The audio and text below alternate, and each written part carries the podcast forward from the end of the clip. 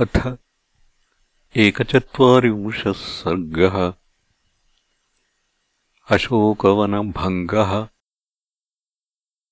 स च वाग्भिः प्रशस्ताभिः गमिष्यन् पूजितस्तया। तस्माद्देशादपक्रम्य चिन्तयामास वानरः अल्पशेषमिदम् कार्यम् दृष्टेयमसितेक्षणा त्रीनुपायानतिक्रम्य चतुर्थ इह दृश्यते। न सामरक्षः सुगुणाय कल्पते न दानमर्थोपचितेषु युज्यते न भेदसाध्या बलदर्पिता जनाः पराक्रमस्त्वेव ममेह रोचते न चास्य कार्यस्य पराक्रमादृते विनिश्चयः कश्चिदिहोपपद्यते। हतप्रवीरा हिरणे हि राक्षसाः कथञ्चिदीयुर्यदिहाद्यमार्दवम्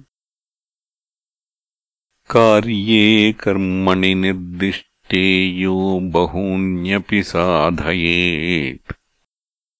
पूर्वकार्याविरोधेन स कार्यम् कर्तुमर्हति। न ह्येकः साधको हेतुः स्वल्पस्यापीह कर्मणः। यो ह्यर्थम् बहुधा वेद स समर्थ ोऽर्थसाधने इहैव तावत्कृतनिश्चयो ह्यहम्। यदि व्रजेयम् प्लवगेश्वरालयम्।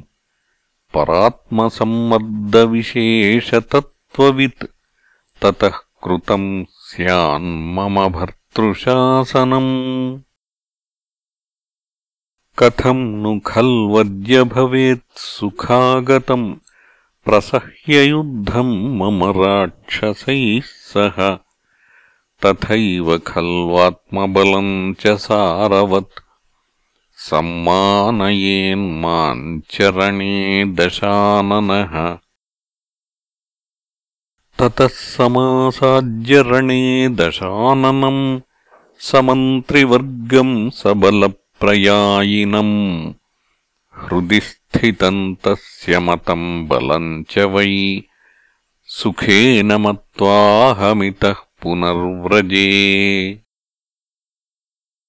ఇదమస్య నృశంసస్య నందనోపమముత్తమం వనం నేత్రమనకాంతం నానాద్రుమలతాయుతం.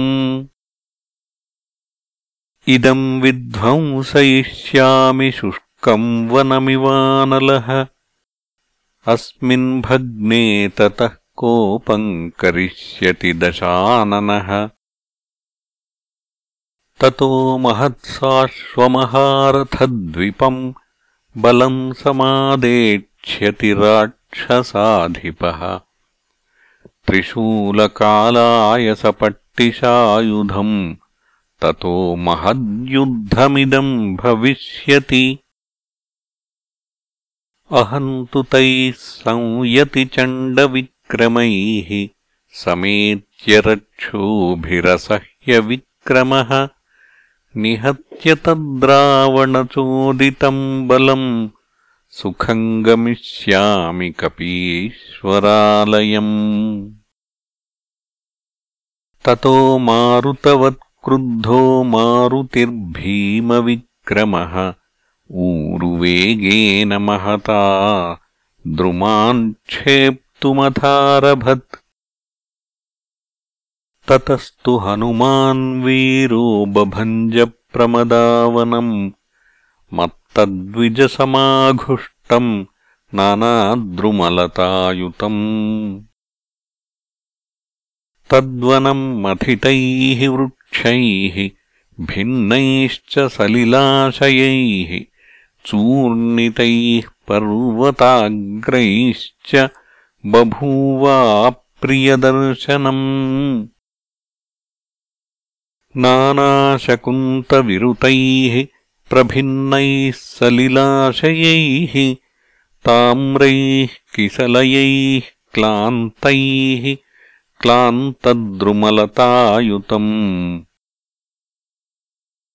न बभौ तद्वनम् तत्र दावानलहतम् यथा व्याकुलावरणारेजुः विह्वला इव तालताः।